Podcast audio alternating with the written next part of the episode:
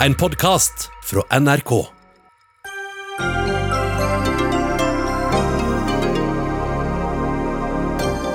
Regjeringas reiseråd gjør det vanskelig for nordmenn å planlegge sommerferien, mener Arbeiderpartiet, som møter helseministeren til debatt. Forby ekteskap mellom søskenbarn, foreslår politiet i Oslo i kampen mot sosial kontroll. Men trenger vi det når det uansett er stadig færre fettere og kusiner som gifter seg? 16-åring har stått i spissen for at rullestoler skal få kjøre fortere. Men skal de det, følger særregler med på kjøpet. Umyndiggjøring, mener Handikapforbundet. Og vafler, sokker og kronprins Haakon i DJ-boksen. Om kort tid får vi vite om valgkampen har sikra Norge en plass i FNs sikkerhetsråd.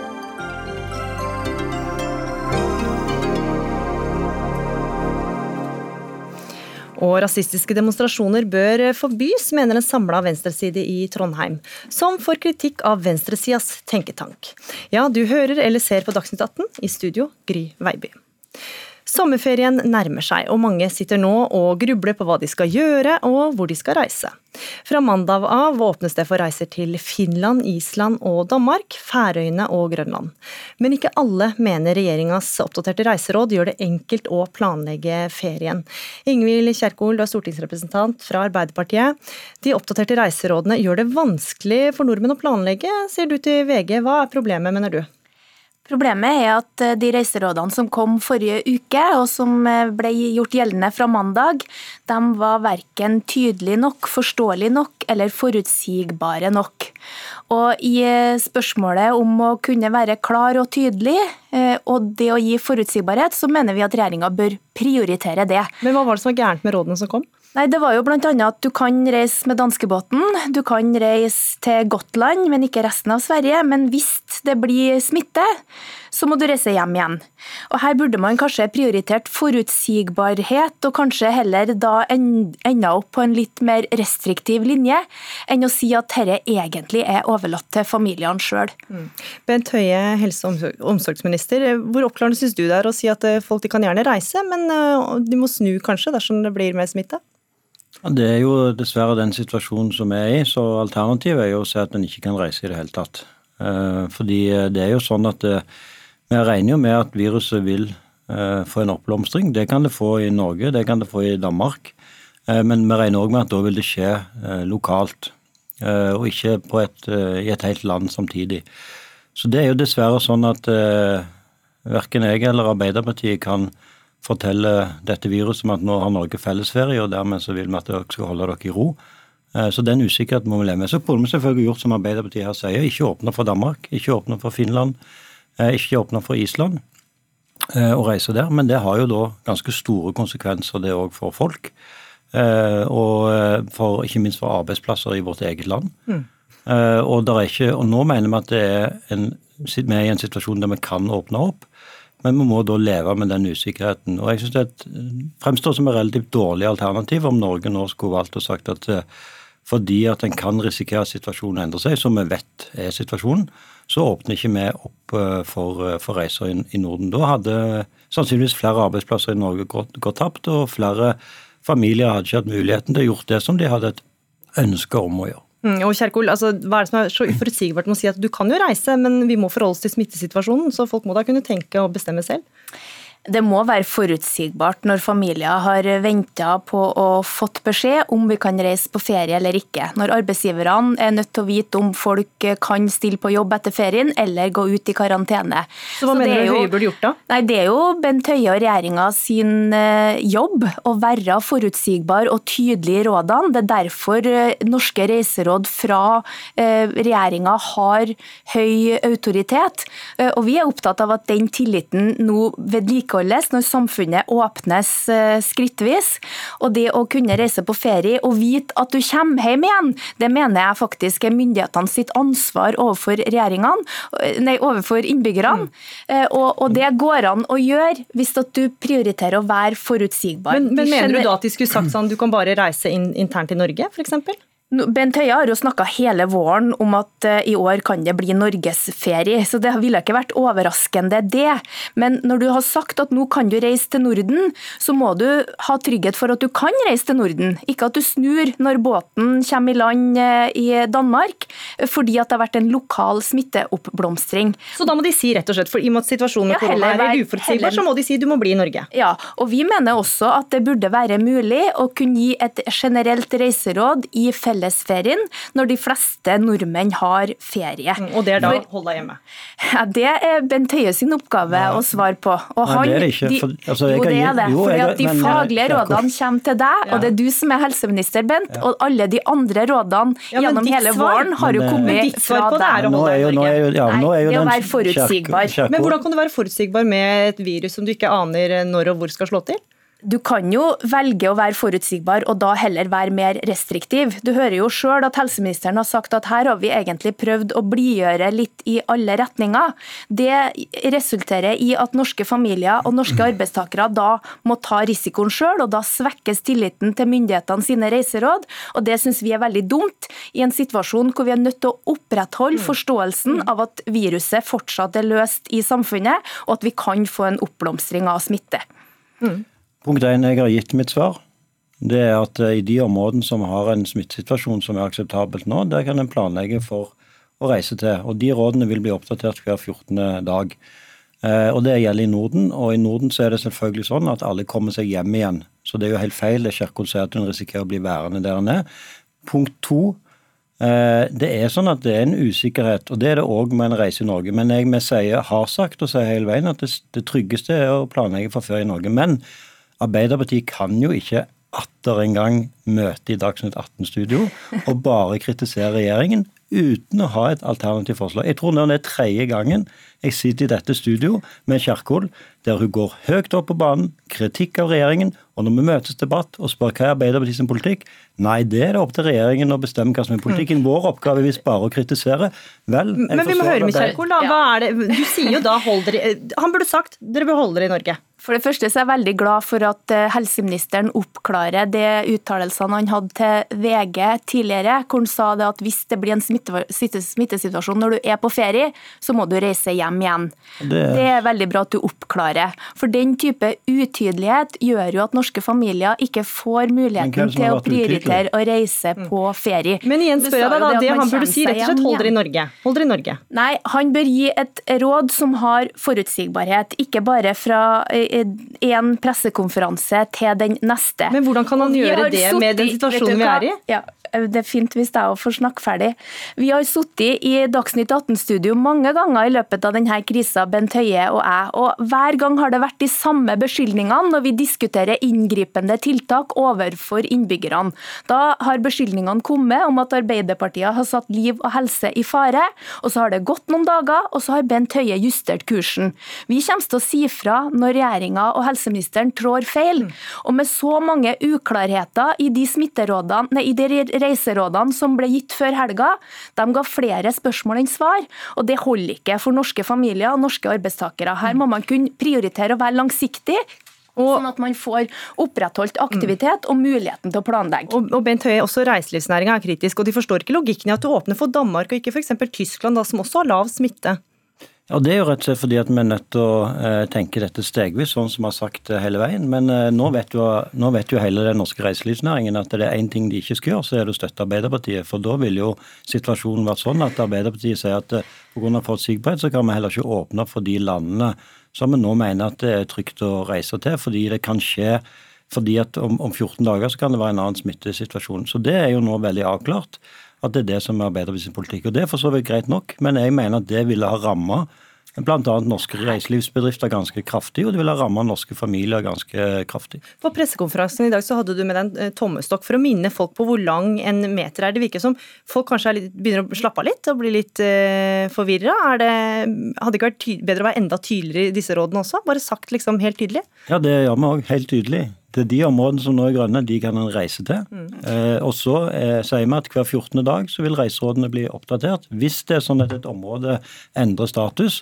så eh, bør en reise hjem, og da må en òg være forberedt på at en må i karantene. Det jeg tror jeg er ganske enkelt og greit å forholde seg til. Kartet er oversiktlig, og telle 14 dager fram i tid. Det er òg relativt enkelt for de fleste. Vi har jo fått en helseminister som er immun mot å debattere inngripende tiltak. Det handler jo ikke om å støtte Arbeiderpartiet eller å støtte i Høyre. Jeg kommer fra et annet debattstudio hvor en representant fra Høyre sa at nå var det smitteoppblomstring i Danmark og risiko med å reise dit. Så her må vi ha klare råd fra myndighetene som er tydelige, forståelig og forutsigbar. Da kan nordmenn planlegge ferien sin trygt og smittesikkert. Veldig kort, nå kommer neste reiseråd.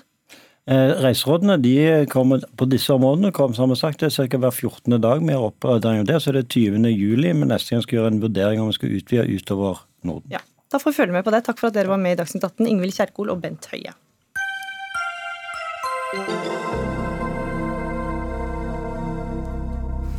Og vi skal eh, holde oss til eh, reise, for forsikringsselskapene merker nå pågangen fra reiselystne nordmenn. Og i dag ble det klart at Norwegian også starter opp med utenlandsflyvninger, til tross for at eh, UD fortsatt fraråder eh, reiser en rekke steder.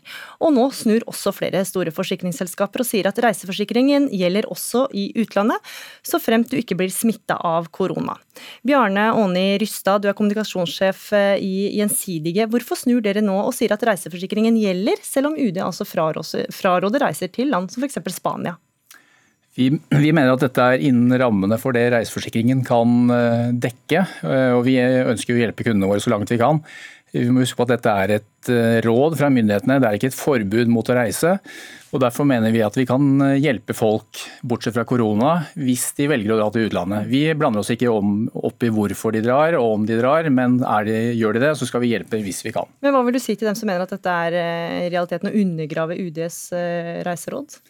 Det synes vi ikke. Vi anbefaler alle nordmenn å følge UDs eh, reiseråd, men hvis de allikevel av en eller annen grunn velger å bryte det, så mener vi det er innen rammene for forsikring å kunne hjelpe til. Mm.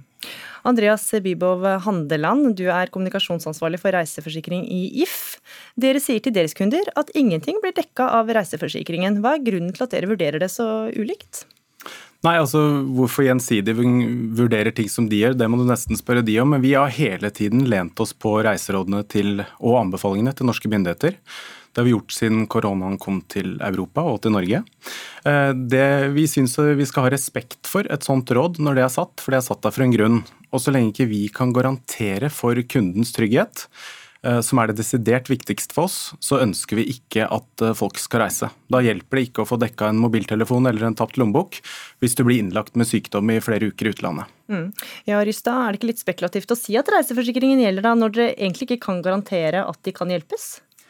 Vi er veldig tydelige på at eh, det kan være begrensninger hvor mye vi kan eh, hjelpe til med. Men igjen innen de rammene det er for forsikring, så mener vi at det er riktig å kunne hjelpe nordmenn som av en eller annen grunn velger å reise. Men vi anbefaler nordmenn å følge reiserådene, men gjør de ikke det, og det ser vi at det er mange som eh, kanskje ikke gjør, så skal vi i hvert fall hjelpe dem med det vi har muligheter til. Mm. Mister du et kamera i Tyskland, så kan ikke vi se en grunn for at man ikke skal få en erstatning for det.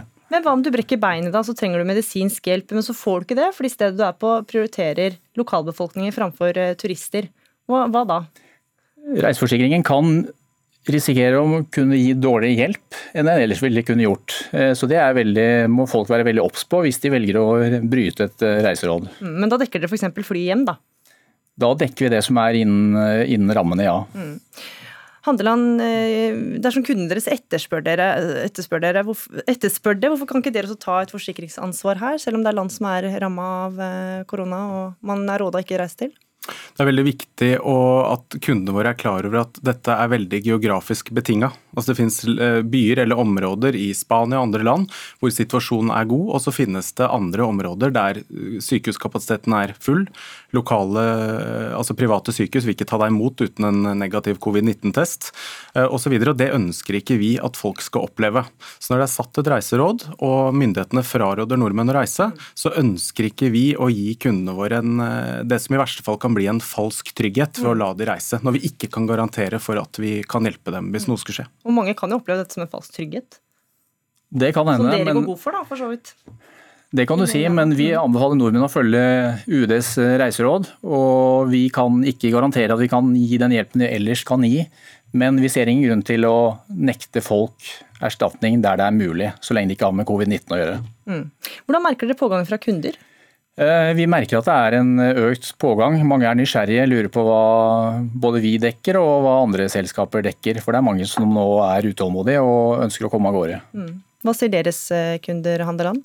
Altså, De ringer jo inn. Det har jo vært enormt trøkk gjennom hele pandemisituasjonen. og det er klart Nå som det å, begynner å åpnes opp, uh, Norwegian setter opp flyvninger osv., så, videre, så får vi en økt eh, pågang av henvendelser. Men vi har inntrykk av at kundene setter pris på den ansvarsrollen vi tar. Vi har økt kundetilfredsheten gjennom pandemien.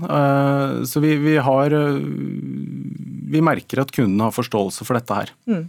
Hva tenker du om at Gjensidige gjør det motsatte av dere, da? Nei, igjen så, så, vil jo ikke jeg snakke på vegne av Gjensidige, men jeg kan bare si at vi har gjort denne vurderingen fortløpende hele veien, og det har ikke vært noe tema for oss. For vi snakker med helsepersonell i utlandet, og vi snakker med samarbeidspartnerne våre rundt om i verden som forteller om veldig forskjellige scenarioer. Mm. Så vi vil ikke at folk skal risikere å havne i den knipa der, mm. eller bli satt på et isolat. Mm. Eh, eller f.eks. Bli, eh, bli eh, satt i karantene der nede, bli nekta utreise forsinka flyvninger. Det er en hel haug med ulike scenarioer som kan knyttes til eh, covid-19. Så når ikke covid-19-relaterte ting blir dekket av, av Gjensidige og de andre selskapene, så, så eh, er den eh, Ja, den er, det ønsker ikke vi å gjøre. Mm. Ja, Rystad, det er jo, åpner opp for en rekke tvilstilfeller da, som kan bli vanskelig å håndtere. Hva skjer hvis du havner i karantene i utlandet og må bestille en ny flybillett? Dekker dere den f.eks.? Ja, Det er jo den type spørsmål som vil dukke opp, og det vil sikkert komme vanskelige saker i kjølvannet dette. her, For dette er jo en ny situasjon for alle, eh, slik at hver sak må vurderes for seg. Men helt åpenbart, det vil bli uklare saker og mange vanskelige saker. Mm.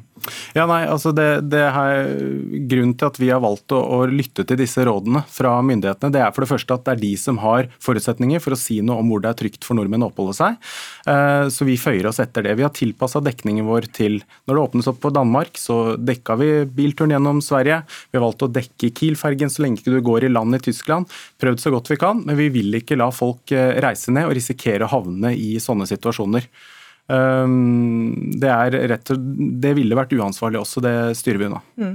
Og dette her, eh, Rystad og Gjensidige, når dere åpner opp for det, så risikerer dere også at folk havner i slike situasjoner? Det kan man jo selvfølgelig ikke utelukke, men igjen, det grunnleggende er at vi ønsker innen rammene for forsikring å tilby det som er mulig for å hjelpe våre kunder. Eh, vi setter oss ikke til doms over hvorfor de reiser, eh, de valgene folk gjør i sine liv. Men råder dere dem til noe, da? Nei, Vi råder folk til å følge myndighetenes råd, og er, tydelige, ja. og er, tydelige, på at det er ikke sikkert vi kan hjelpe dem så godt som vi ellers kunne ha gjort. Men fra det til å nekte folk erstatning hvis de kommer ut for noe, mister kamera i Tyskland etc., det mener vi eh, det er ikke vår vurdering. Jeg synes det er viktig å ha med et element til her, og det er det at vi er midt i en eh, nasjonal smittedugnad. Uh, hvor vi i tillegg til alle disse aspektene her altså Et ambulansefly hjem fra, hjem fra Europa eller andre steder i verden kan koste mellom 250 og 500 000 kroner. Når det er sagt, så er det viktig å tenke på at vi er midt i en nasjonal smittedugnad, og vi skal respektere de reiserådene. For det handler også om at vi ikke ønsker smitte tilbake til Norge når vi nå begynner å få en viss kontroll på situasjonen. Mm. Og Hva er det du egentlig sier nå til uh, Gjensidige?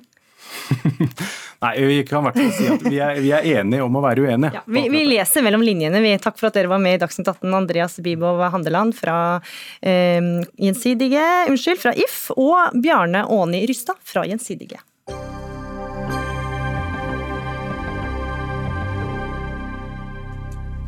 Seinere i sendinga skal du få høre mer om at partier i Trondheim vil forby demonstrasjoner med rasistisk budskap. Oppsiktsvekkende og skremmende, mener Tankesmi-leder. Men nå til en helt annen sak. Ekteskap mellom søskenbarn bør forbys, foreslår Oslo-politiet i et brev til statsadvokaten. Og puster med det liv i en mangeårig debatt være, eh, om at det skal være forbudt for kusine og fetter å gifte seg, eller ekteskap mellom kusiner og mellom fettere for den saks skyld. Målet er å bekjempe æreskriminalitet og sosial kontroll. Oslo-politiet kunne ikke stille med noen her hos oss, eh, men dere applauderer forslaget, Siri Gåsemyr Staalesen, du er integreringspolitisk talsperson fra Arbeiderpartiet, og dere har selv foreslått uh, dette tidligere. Men hvorfor skal staten gripe inn i folks kjærlighetsliv på denne måten? Dette har Arbeiderpartiet vært opptatt av siden 2005. Uh, og Siste gangen vi fremmet et forslag om dette, var våren 2018 i Stortinget, hvor uh, blir ble stemt ned. Men det handler om to, to ting. Det ene handler om helsesituasjonen, hvor også Folkehelseinstituttet har vært ute og sagt at det er ikke heldig for barnas helse om foreldrene er søskenbarn. Det andre handler om sosial. Og Da fikk vi jo et godt eksempel på nrk.no i går med Abid Raja, hvor han sier at hans foreldre hadde faktisk eh, en avtale om at han skulle gifte seg med sin kusine. Og så fikk han forhindret det ved at han tok den kampen mot sine foreldre. Og jeg mener at det også er en stor del av den debatten vi må ta. Eh, og Derfor så har Arbeiderpartiet på mandag fremma 15 forslag knytta til kampen mot sosial kontroll, hvor søskenbarnekteskap ikke er en del av de forslagene. For de fremmet vi jo for to år siden. Eh, da fremmet vi 23 forslag, så det er mange ting vi kan ta tak i. Bl.a. å styrke ungdommene, sånn at de kan ta praten med foreldrene og forklare at dette er utdatert, dette finner vi oss ikke i. Mm.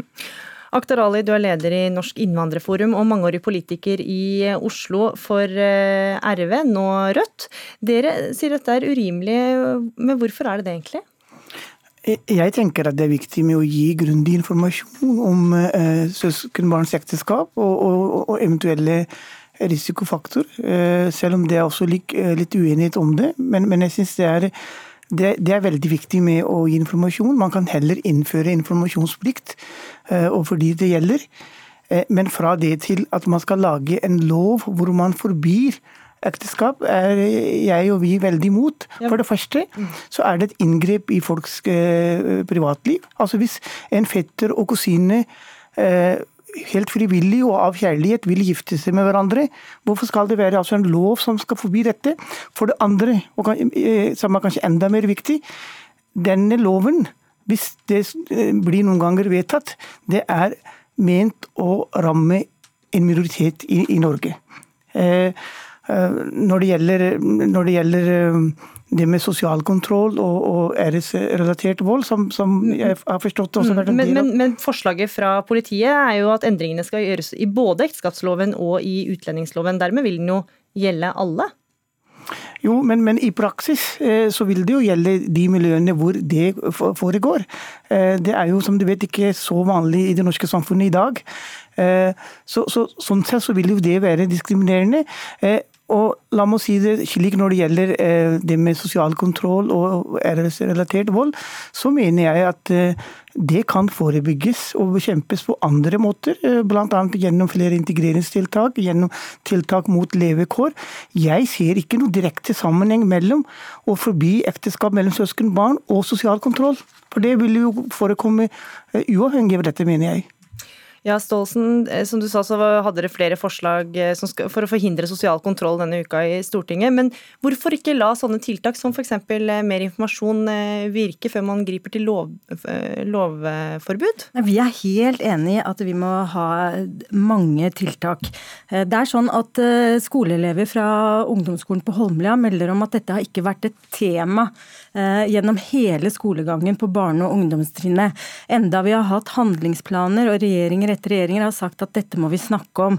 Nå sier vi veldig konkret i våre forslag at vi må gi verktøy til de ungdommene med oss voksne rundt, om det er skolehelsesøster, om det er minoritetsrådgivere, lærere som blir kursa, sånn at de kan ta opp tematikken jevnt gjennom hele barnetrinnet, hele ungdomsskolen, sånn at dersom elever opplever et press hjemmefra, de kjenner igjen noen samtaler de har hatt i klasserommet, kan oppsøke voksenpersoner de stoler på, og få hjelp til hvordan de skal ta kampen for eh, å leve et fritt liv. Ja, Der er dere uenige, men hvorfor må det et lovforbud for det? Nei, Vi mener i tillegg til alt det som, eh, som vi har fremma 15 forslag om på mandag, så mener vi at eh, forslag som forbyr søskenbarnekteskap, vil vi stemme Eh, for i Stortinget, fordi vi mener at det er riktig. Både eh, av eh, kampen mot sosial kontroll, men også fordi sjansen for at barna blir syke faktisk er høyere. Og da mener vi at det også er en viktig Altså, vi vet jo at hvis, hvis det eh, brukes alkohol eller andre rusmidler under svangerskapet, så er det økt fare for fosterets liv. Man vil ikke lage lov som forbyr uh, bruk av alkohol. Vi vet at uh, norske menn reiser til Fjernøsten, bl.a. til Thailand, og henter uh, koner derfra, som mange ganger blir utnyttet og misbrukt her. Man vil jo ikke forby folk å reise til Thailand for det. Mm. Men samtidig, Ali, hvordan skal samfunnet sjekke at disse ekteskapene foregår frivillig? Altså det, det, kan jo forebygges, som jeg var inne på, gjennom økt informasjon. Og jeg tror eh, eh ekteskap mellom søskenbarn skjer i mindre grad nå eh, blant annen generasjons eh, enn det det skjedde før. Eh, men jeg, må også si, eh, la gå litt tilbake i historien. Dette er opprinnelig et Frp-forslag. Frp begynte å fremme dette forslaget på 80-tallet med Carl I. Hagen i spissen. Og bakgrunnen for det forslaget var at Frp ønsket å hindre innvandring til Norge fra den tredje verden, og ikke minst fra den muslimske verden. Og Jeg syns det er veldig synd at det norske Arbeiderpartiet og andre partier nå har gått med på det. Og det er fortsatt grupper og partier i, Norge som vil hindre integreringen. Og dette brukes som en ledd i integreringen. Men det har aldri vært argumentet for Arbeiderpartiet for hvorfor vi går mot søskenbarnekteskap. Det har vært i kampen mot sosial kontroll, og fordi at barn født av søskenbarn har større sjanse for å bli født med helseskader. Vi skal høre hvor stort dette problemet er. Monica Aarseth Five, du er forsker ved velferd, eh, velferdsforskningsinstituttet NOVA ved Oslo OsloMet. Hvordan har utviklingen vært ut fra de tallene dere sitter med? Vi har gjort en, en, kunnskapsgjennomgang for Kunnskapsdepartementet, hvor vi har sett på forskningen som er gjort på dette feltet de siste 20 årene i Norge og Europa. Så vi har, vi har ikke innhentet laget nye tall, men vi ser på de tallene uh, som foreligger. Og I Norge så ser man at det er, har vært en uh, tydelig nedgang over tid. Både blant de som har innvandret selv, og blant barna deres har det vært en nedgang. og Den er særlig tydelig i den pakistanske gruppen, hvor, som har vært den gruppen hvor andelen eh, søskenbarnekteskap har vært høyest. Mm. Hva er årsaken til den nedgangen, da, når vi ikke har hatt forbud mot dette? Jeg tenker at det, det er flere ting. og Hvis man ser på global basis, så er det man ofte trekker fram som grunner til at uh, søskenbarnekteskapsandelen går ned, er uh, økt uh, utdanningsnivå, særlig for kvinner. Og at altså, hver familie får færre barn, så potensielt sett blir færre uh, fettere og kusiner og tremenninger å gifte seg med. Uh, og Hvis man ser på Norge, så er dette utviklingstrekk som er veldig tydelige. Blant, særlig blant etterkommere av innvandrere i Norge. Andelen som tar høyere utdanning er, har økt betraktelig, og særlig blant jenter og kvinner. Eh, de får færre barn enn foreldregenerasjonen, de gifter seg senere enn foreldregenerasjonen. Og man ser også at det er andelen som gifter seg med en fra foreldrenes hjemland, eh, synker til fordel for man, altså at man gifter seg med en som kanskje har samme bakgrunn som en selv, men som er eh, født og oppvokst i Norge. Mm. Så tenker jeg også at den, dette er en, en del av store, sentrale endringsprosesser som foregår, som er liksom mye større enn akkurat dette temaet med om man skal gifte seg med en fetter eller kusine eller tremenning. Eh, det handler om som, eh, endringer i forståelse av hva familie er, hva kjærlighet er, hva ekteskap skal være, og endringer i de unges handlingsrom i forhold til disse spørsmålene.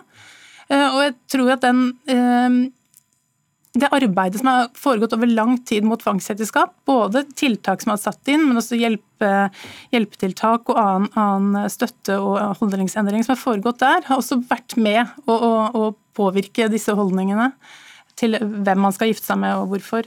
Og så tror jeg også at den, altså den debatten som har vært om uh, den medisinske risikoen, har også vært uh, reflektert over i innvandrerbefolkningen og blant etterkommere.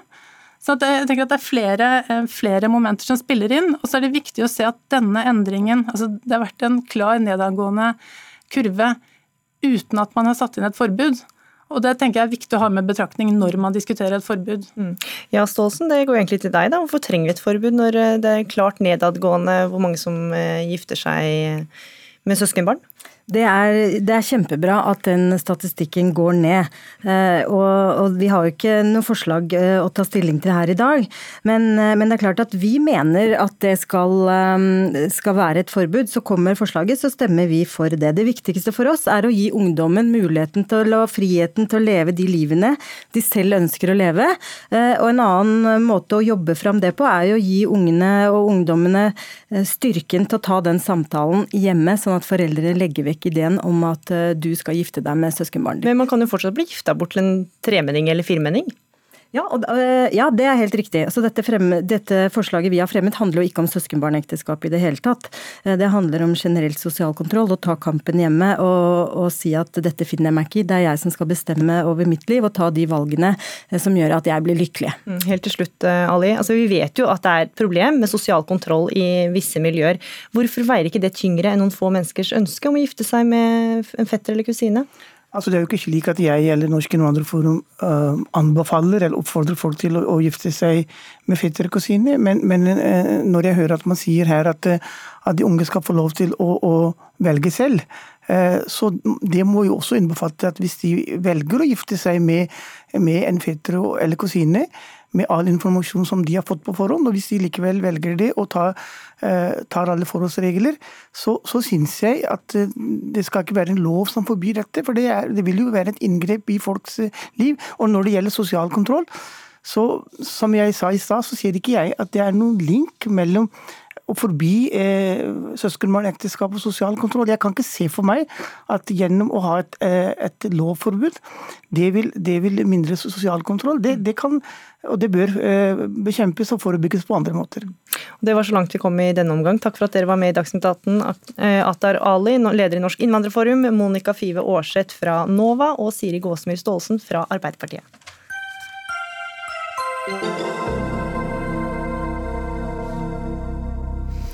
I FN-bygninga i New York avgjøres akkurat nå Norges iherdige forsøk på å få en av de fem roterende plassene i FNs sikkerhetsråd.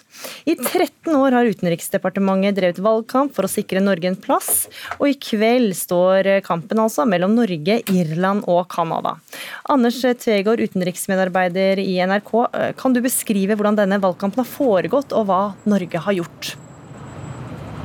Dette her er jo da et 13 eh, års langt diplomatisk arbeid som kanskje krones i kveld med en plass rundt et av verdens mektigste bord. Utenriksdepartementet har jobbet på høygir de siste ukene med utenriksministeren som pga. koronapandemien har måttet ringe rundt til eh, sine kolleger, mens FN-delegasjonen i New York har eh, forsøkt å møte de ambassadørene som fortsatt oppholder seg i byen. Og også ambassadene rundt omkring i verden har da pleiet sine kontakter i håp om å få en stemme, fordi Fijis stemme teller like mye som en stemme fra USA. Eh, derfor har også diplomater reist til eh, autoritære regimer på stemmejakt. De har vært på Stillehavsøyene og snakket om blå økonomi og betydningen av eh, klima og, og hav temaer som de er eh, opptatt av. Og Mye av dette her er jo da stemmebytteavtaler, men om eh, de som til slutt nå er på vei inn i FN-bygget og avlegger en stemme, overholder den avtalen, det er jo det store eh, spenningsmomentet her. Fordi en av fire ambassadører er stort sett egenrådig og ikke tar signaler fra hovedstaden. Hvorfor er det så viktig for disse landene å få en plass? Det er en internasjonal eh, catwalk for eh, utenrikspolitikk. Og landene som sitter rundt eh, bordet, de får da vist sin utenrikspolitikk og være med å ta beslutninger rundt FNs sikkerhetsråd. Men samtidig så vil jo ikke rådet være sterkere enn vetomaktene ønsker, de fem faste medlemmene. Derfor ser vi at det ikke er noe handling i Libya fordi USA blokkerer. I Myanmar skjer det ikke noe fordi Kina setter seg på bakbeina. I Syria snakker Sikkerhetsrådet nesten ikke om fordi Russland er imot eh, resolusjoner der.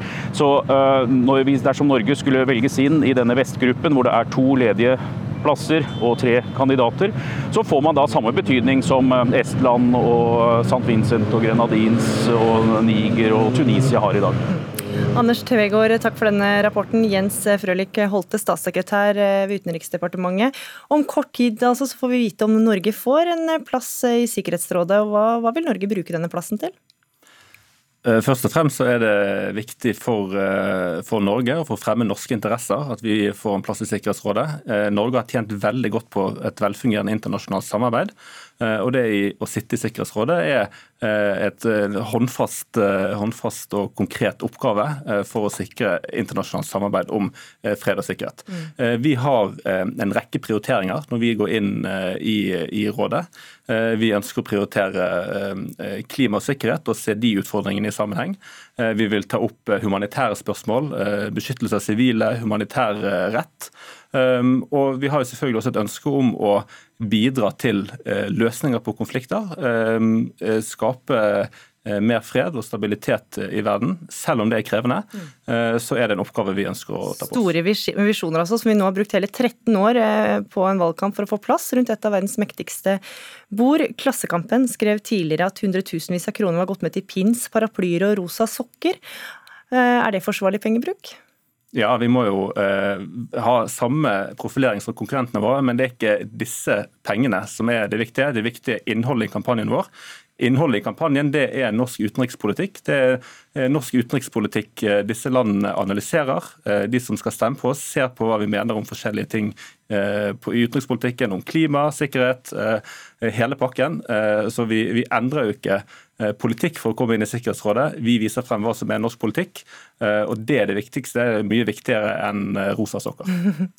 Gunnar Ekeløve Slydal, du er fagsjef og fungerende generalsekretær i Helsingforskomiteen.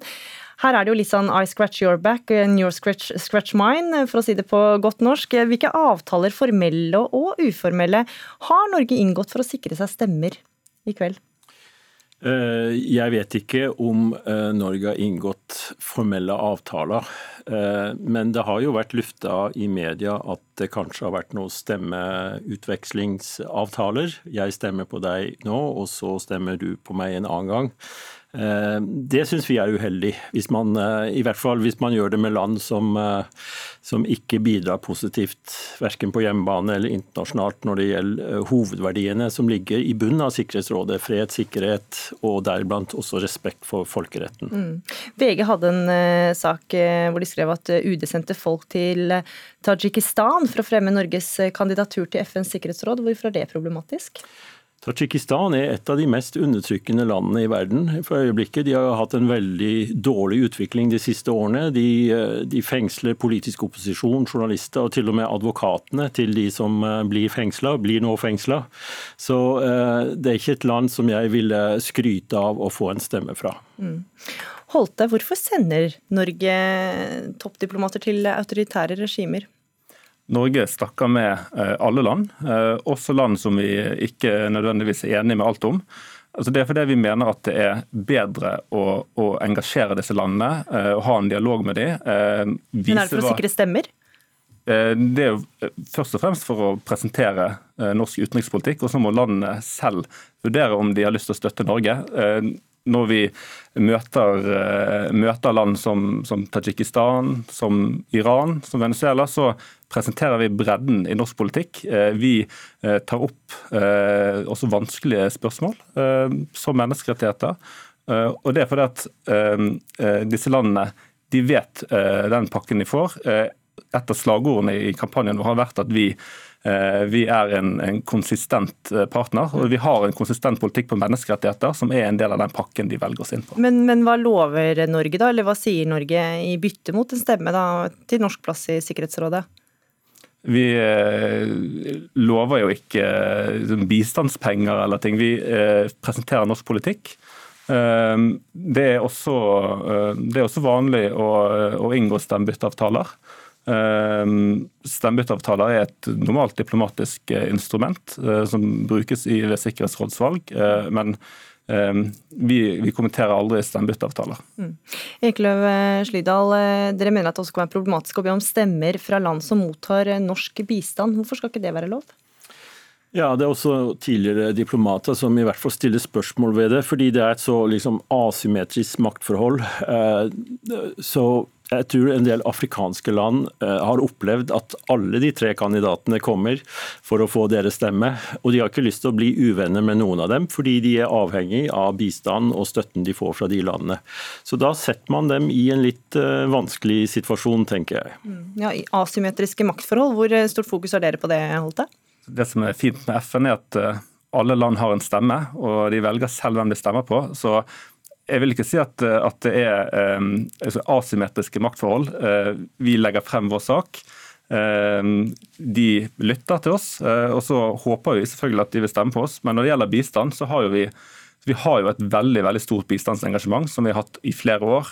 Vi er det eneste av de tre kandidatlandene i denne vestgruppen, da, som, som gir 1% av vår bruttonasjonalinntekt til bistand. Så det er klart at vi har et veldig stort fotavtrykk i, i utviklingsland. Det har vi hatt over tid. og Det har jo ikke noe med sikkerhetsrådskampanjen vår å gjøre. Det er norsk politikk over mange år.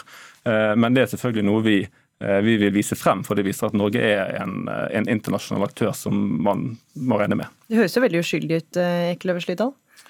Ja, men man bør i hvert fall ha en bevissthet om det at det der litt asymmetriske forholdet eksisterer. Kanskje ikke i det rommet hvor man avgir stemmen, men ellers. Mm. Eh, så eh, Norge er jo en liten stat, men en veldig sterk stat på noen områder. Og det må vi være også bevisst eh, i, i denne prosessen. Mm. Ja, Holt, la oss si vi får stemmer da fra autoritære regimer. På hvilken måte forplikter det i framtida? Vi tar, jo, altså, vi tar imot stemmer fra alle land, og vi bestemmer jo heller ikke hva land stemmer på. Nei, Men forplikter det litt å få en eh, stemme fra det som, det, som, det som, det forplikter, er jo at vi, eh, når vi kommer sånn, Hvis vi er så heldige at vi kommer inn i rådet, eh, så må vi ha en dialog med alle land. Vi må lytte til alle land. Vi skal jo tross alt prøve å finne enigheter rundt Sikkerhetsrådets bord, og det er ikke så enkelt. Mm. Men sånn, Norge har en uavhengig stemme når vi går inn i rådet.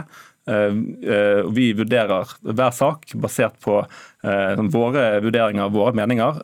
Men da har vi selvfølgelig en, en dialog med de landene det, det, angår. Det er helt naturlig. Og Anders Tvegård, vi skal tilbake til deg. Vi, nå er avstemninga i gang. Når er det vi kan vente oss et resultat?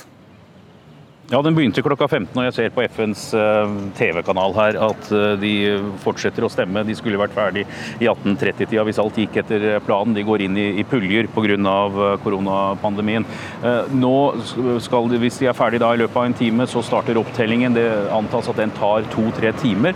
Og at mellom 22 og 23 norsk tid så får man vite om hvilke land som får plasser i Sikkerhetsrådet. De første setene. Norge er en gruppe med to seter. Og hvis ikke Norge får et av setene i, i kveld, så går det til andre valgomgang i morgen, eller tredje. Eller som for 20 år siden, da Norge også stilte mot um, Irland. Uh, Norge måtte da vente fire runder før man uh, ble stemt inn i Sikkerhetsrådet. Ja, Så her er det bare å følge med. Takk for det, Anders Tvegård, utenriksmedarbeider her i NRK. Jens Frølich Holte, statssekretær, du krysser sikkert fingrene. Takk for at du var med i Dagsnytt 18. Takk også til deg, Gunnar Eklevers Slydal, fagsjef og fungerende generalsekretær i Helsingforskomiteen. Hør Dagsnytt 18 når du vil. Radio NRK Radio.nrk.no.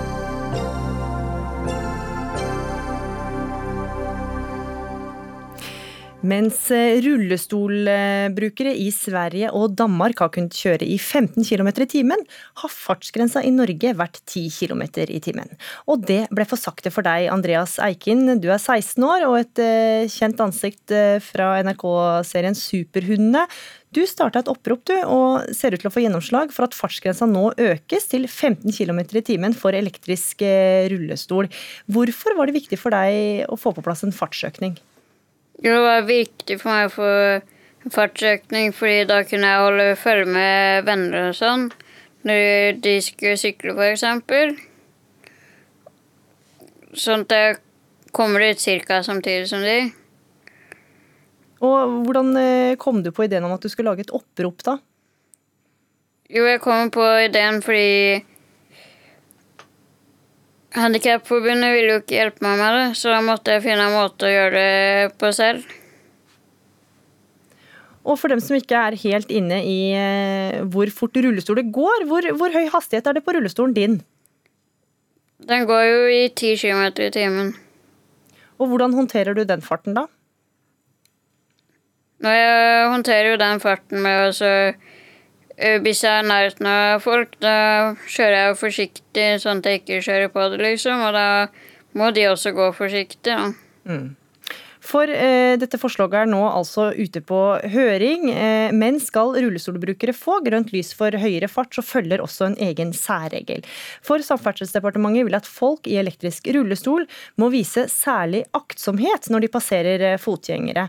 Og det reagerer dere i Handikapforbundet på, Tove Linnea Brandvik. Eh, du skal fortelle hvorfor du reagerer, men først så hva betyr denne særlig aktsomheten i praksis? Særlig aktsomhet i trafikken betyr at vi skal bevege oss alle sammen som er i trafikkbildet, på en sånn måte at vi ikke skaper risiko for hendelser eller et ulempe for andre. Og det viser hensyn. Mm. Og eh, Denne særlige aktsomheten er også nå bakt inn. og Da mener du at myndighetene både gasser og bremser samtidig ved å legge det til denne eh, særregelen? Ja, jeg tenker at Nå eh, prøver regjeringa seg på å gi full gass. Jeg vil gi all honnør til Andreas som faktisk har fått opp saken. Eh, det er veldig bra. Eh, men når man da åpner for å justere regelverket sånn at vi får 15 km i timen, så blir det veldig underlig når regjeringa samtidig foreslår å redusere muligheten vår for å bevege oss på fortau, og setter det ned til 5 km i timen, altså gangfart. Mm. Som er en tilbakegang fra dagens regelverk. Mm. Og jeg tenker Vi har blanda sammen ulike regler og har ikke en helt forståelse for at uh, er man gående, så er man gående i Norge. Og hvis man ikke er det, så er man kjørende. Som en syklist, f.eks. Knut Arild eh, Hareide, samferdselsminister. Hva er logikken i dette aktsomhetskravet for rullestolbrukere? Ja, Det er jo fordi at vi ønsker å følge opp eh, Andreas sitt gode initiativ. Vi syns at eh, kun 10 km i timen på en rullestol det, det, er for lite. Og jeg har veldig stor forståelse for det perspektivet som Andreas eh, så flott har trukket fram. Så vi vil på et tidspunkt øke hastigheten til 15 km i timen. Men da er det sånn at da er det òg sånn at rullestoler som da er på gangvei, på fortau og i gangfelt, de må da vise en aktsomhet. Det er akkurat det samme som sykler, elsparkesykler, elsykler, som òg er på en gangvei, fortau og gangfelt. De må òg vise aktsomhet, og egentlig da eh, kjøre hensynsfullt. Eh, så det er en veldig tydelig logikk i det. fordi at når vi nå øker hastigheten på rullestoler, så kan du få den hastighet på, på 15 km i timen. Eh, og det tror jeg vi skal være veldig bevisst at det er ikke ufarlig hvis den kommer i 15 km i timen eh, med rullestoler, eller for så vidt en sykkel eh, eller en elsykkel som er ganske tung så har det et perspektiv vi må ivareta. Mm. Så vi ønsker å gi nett nettopp eh, personer da med nedsatt funksjonsevne en større bevegelsesfrihet. Og disse to tingene henger sammen. Så det er jo riktig at vi på ett område gir gass, og på det andre området da òg må bremse, fordi vi ønsker å ivareta sikkerheten da til til de mest sårbare trafikantene, som bl.a. er på fortau. Mm, en umyndiggjøring kaller du det for, Brandvik? Ja, jeg tenker en umyndiggjøring. Altså, det ligger et aktsomhetskrav til meg når jeg beveger meg som gående i trafikkbildet. Eh, og Det aktsomhetskravet vil selvfølgelig bety at jeg skal ta hensyn til andre gående. Men jeg tror vi skal gripe litt tak i denne forvirringa som jeg opplever departementet driver med nå, i forhold til syklende og de aktsomhetskravene som ligger her. Fordi at Syklene er altså i prinsippet ikke gående i eh, lovgivninga før de faktisk fysisk går og leier sykkelen. Eh, syklister har fått lov til å bevege seg opp på fortauet der gående har forrangen. Bare hvis de er særlig aktsomme. Da er det et relevant uh, tema. For da får de lov til å sykle, altså bevege seg som kjøretøy, i et miljø som er laga for gående.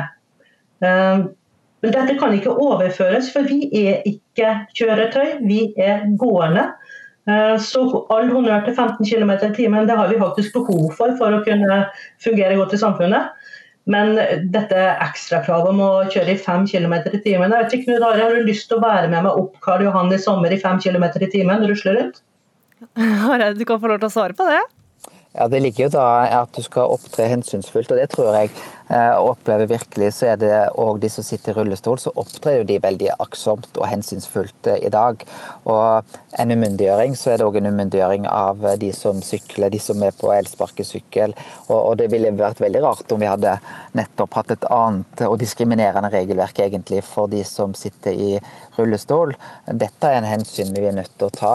Og jeg tror utfordringen min til Handikapforbundet da er jo tydelig. Syns dere det er bedre at vi beholder dagens fartsgrense på 10 km? Eller syns dere det er bedre at vi nettopp viser at vi kan gi større bevegelsesfrihet for eh, nettopp det perspektivet som Andreas så flott løfter fram her? Men det, vi må være ærlige og si det er altså ikke eh, det å komme i 15 km i timen Eh, på et fortau. Det er òg ganske tunge kjøretøy, nå snakker jeg om, om kilo og vekt. Og, og, det perspektivet må jeg ivareta. Eh, det er altså de mest sårbare trafikantene som nettopp opptrer på gangvei, fortau og gangfelt. Og det helhetsperspektivet det må jo jeg naturlig nok ivareta. Så jeg syns jeg har funnet en veldig god løsning.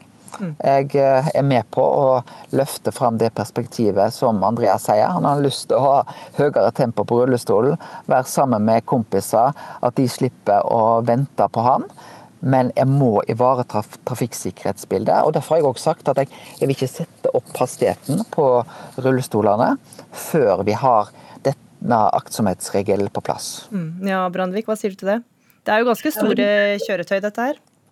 Det er store kjøretøy, og det er ikke et ønske fra oss om at vi skal kjøre i 15 km inni en folkemengde. Det ligger ikke. Det ligger i aktsomhetskravet som jeg har som gående. Og jeg vil bare gjenta en gang til. Syklister, når de har det særlige aktsomhetskravet, så er det når de sykler på fortau som i utgangspunktet er en særregel hvor de får lov til å bevege seg som kjøretøy på et område som faktisk er beregna for gående. Derfor har de et særkrav på seg når de får lov til å gå inn på et annet område. Vi er gående, og vi er nødt til å Du må kunne forvente at vi tar hensyn til våre omgivelser på lik linje med alle andre gående.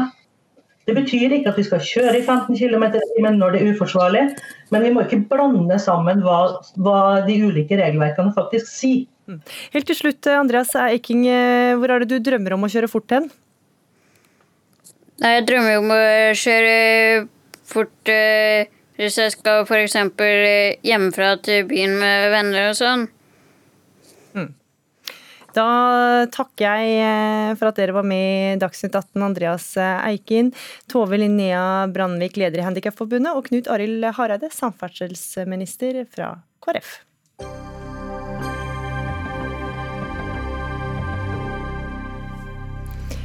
Venstresida, Senterpartiet og Miljøpartiet De Grønne i Trondheim vil at Stortinget skal forby rasistiske demonstrasjoner.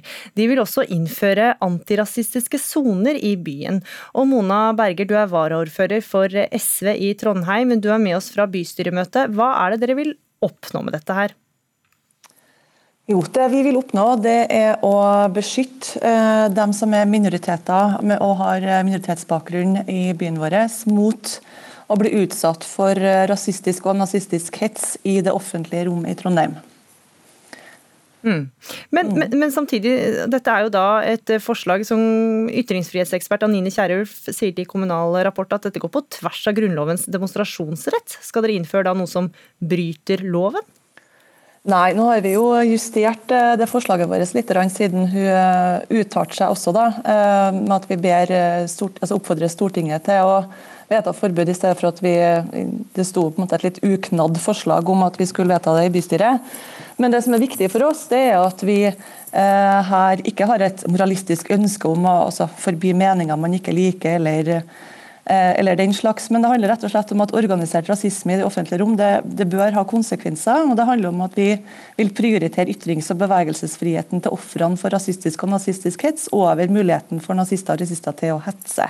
Mm. Eh, og så er det jo, må vi sagt understreke da, at det ikke er et, eh, et forbud vi nå ber om eh, i bystyret, men at vi ber om at man i størst mulig grad begrenser Eh, hvor eh, sånne typer markeringer kan avholdes, og at vi også spesielt ber om at minnested etter 22.07 får bli skjerma.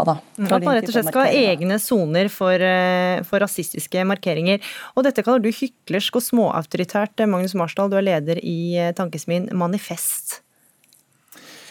Ja, eh, det med småautoritært har jeg kanskje ikke sagt, men det framstår jo kanskje som hyklersk hvis venstresida skulle kreve ytringsfrihet for seg selv, og så være opptatt av å innskrenke den for andre. og Det forslaget som ble presentert gjennom Adresseavisa var jo for det første ulovlig etter Grunnlovens bestemmelser om ytringsfrihet og forbudet mot forhåndssensur, men også politisk uklokt. Eh, ikke bare pga. det med hykleriet, men også fordi at jeg tror det å forby rasistiske holdninger eller ytringer kan virke mot sin hensikt. Det kan få de fremmedfiendtlige til å fremstå som martyrer for ytringsfrihetens sak, en sak med stor oppslutning, i stedet for som kjipe rasister, en gruppe med veldig lav oppslutning. Mm. Men hun vil jo da også ha eh, begrense steder de kan være på. altså Det skal være sånn eh, rasistfrie soner. Hva syns du om det, da? Nei, altså for det første så er det sånn Når det gjelder Grunnloven, at eh, verken kommunestyret i Trondheim eller Stortinget står over den. Og Den har en veldig klar bestemmelse når det gjelder ytringsfrihet, at det kan ikke foregå noen som helst form for forhåndssensur. Og Det er jo det som er problemet her. Eh, det er et ugjennomtenkt forslag også fordi at selve grunnlaget for sensuren og forbudet skal da være at det er rasistisk og dermed kan være i strid med rasismeparagrafen. Men det som prøves i retten, når sånne saker kommer opp, er jo nettopp det stridsspørsmålet hvorvidt det var rasistisk eller legitim innvandringskritikk eller annet. ikke sant? Og nettopp den prøvinga i retten og den frie meningsytringa om hva som er rasisme og hva som er noe annet, blir avskåret hvis politiske myndigheter, som i forslaget her, da, på forhånd og med politiets hjelp skal gripe inn og stoppe og forhåndssensurere ytringer. Så Det forslaget vil ikke være noe særlig spydspiss mot rasisme. det må man heller ta gjennom åpen debatt. Eh, jeg har respekt for behovet for å verne folk mot eh, hets, eh, vold og sånne ting. Det har vi jo paragrafer som kan håndheves også. Jeg er veldig for at man aktiverer de folkevalgte, viser minoriteter at vi står sammen med dem, viser de fremmedfiendtlige at vi står sammen mot dem. Men forslaget om å forhåndssensurere ytringer, det tror jeg hører hjem i søppelkassa. Ja, Berger, altså her er det jo da snakk om å straffe ord eller handlinger etter, altså før de er sagt eller utført. Eh, mange vil jo si at dette er sensur? Ja, altså denne fremstillinga at man forsvarer ytringsfriheten ved å la enhver organisasjon, også rasistiske og høyreekstreme, demonstrere hvor de vil, jeg, jeg mener jo at den bør problematiseres. Eh, og I Sverige for eksempel, så har man hatt eh, eksempler på at politiet har reist rundt i forkant av nazistiske eh, organisasjoner sine demonstrasjoner for å fortelle det som tilsvarer Skeiv Ungdom i Sverige. Da. Innvandrerforeninger osv. At i dag marsjerer nazistene i gatene, så dere må holde dere inn for deres egen sikkerhets skyld. Med andre ord så beskytter man da nazisters ytringsfrihet og demonstrasjonsfrihet, samtidig som man aksepterer at eh, denne ytringsfriheten fratar helt uskyldige folk meningsfull ytrings- og bevegelsesfrihet i egen by, fordi de har feil etnisk bakgrunn eller legning. Og det her, Jeg syns godt at det fortjener en problematisering. og så får noe Eh, det bare kom på en måte sånne synspunkter som en Marsdal gjør. og Jeg skjønner jo at det er kontroversielt og vi skjønner at det, at det kan skape debatt, men vi syns det er verdt å ta debatten på nytt. Vi har en rasismeparagraf i lovverket vårt også, som, og den regner med vi har fordi at man anerkjenner at rasisme er et spesielt fenomen som ikke nødvendigvis beskyttes av ytringsfriheten. Og Vi har eksempler fra at han Sian-lederen Lars Thoresen f.eks. han ble jo i fjor dømt til fengsel pga. utdeling av Sian-løpesedler, som hadde et så grovt men, men disse, ytring at de ikke var verna av ytringsfriheten. Men må ikke disse tingene først skje, før dere kan si at det ikke skal være der? Jo, sånn som det fungerer i dag, så er det jo sånn, men at vi kan si at vi vil ha f.eks. Midtbyen da, i Trondheim, at vi vil ha den fri for sånne markeringer. Så kan man tillate at uh, utkanten av Midtbyen, f.eks. i Ila, kan dere få lov til å demonstrere og ytre dere, men at vi vil at uh, det skal men, være mulig for Men, vil det gjelde, men vil det gjelde f.eks. antirasistiske demonstrasjoner også? Eller er det bare Nei. ytringer som dere står inne for? Ikke Nei, ikke, ja. men det er jo ikke ulov, altså det finnes, noe, finnes jo ikke noen paragraf imot å være antirasistisk. Mm. Altså det, dette handler om at f.eks. i midtbyen vår i Trondheim, her, sånn som det er i mange andre store byer, så har man kollektivknutepunkt. Mm. Eh, og det For mennesker med minoritetsbakgrunn da, å være nødt til å, hvis de skal reise gjennom byen, bli nødt til å gå av en buss der og støte på en sånn type demonstrasjon, vil kunne være farlig for dem. Ja. Hvis vi kan skjerme ja, Marsdal skal få svare vi har lov til å innskrenke ytringsfriheten i dag også når det er reelle altså ordensmessige hensyn. ikke sant? At det blir eh, angrep på folk, nazistiske bander som banker opp folk og sånn. Sånne ting kan man helt klart eh, gripe inn mot. Eh, og Det er veldig aktverdig å kjempe mot rasisme, det gjør jeg også. Men det er også ulovlig etter Grunnloven av meget god grunn å forhåndssensurere ytringer. og Det, det framstår lite troverdig hvis man skal være venstreside og kjempe for sin egen ytringsfrihet og si at det er et prinsipp, mens man samtidig da innskrenker en såpass ubetenksom voldsomt. og Her er det jo også noen som må sitte på forhånd og definere og bestemme at noen andre sin ytring er rasistisk og dermed ulovlig, før den har funnet sted. og Det er en framgangsmåte som hører autoritære regimer til. Magnus Marsdal, der fikk du siste ordet. Takk for at du var med. Også takk til deg, Mona Berge, varaordfører i Trondheim. Dagsnytt 18 er over. Ansvarlig for sendinga Dag Dørum. Det tekniske ansvaret hadde Hanne Lunås, og i studio Gry Veiby.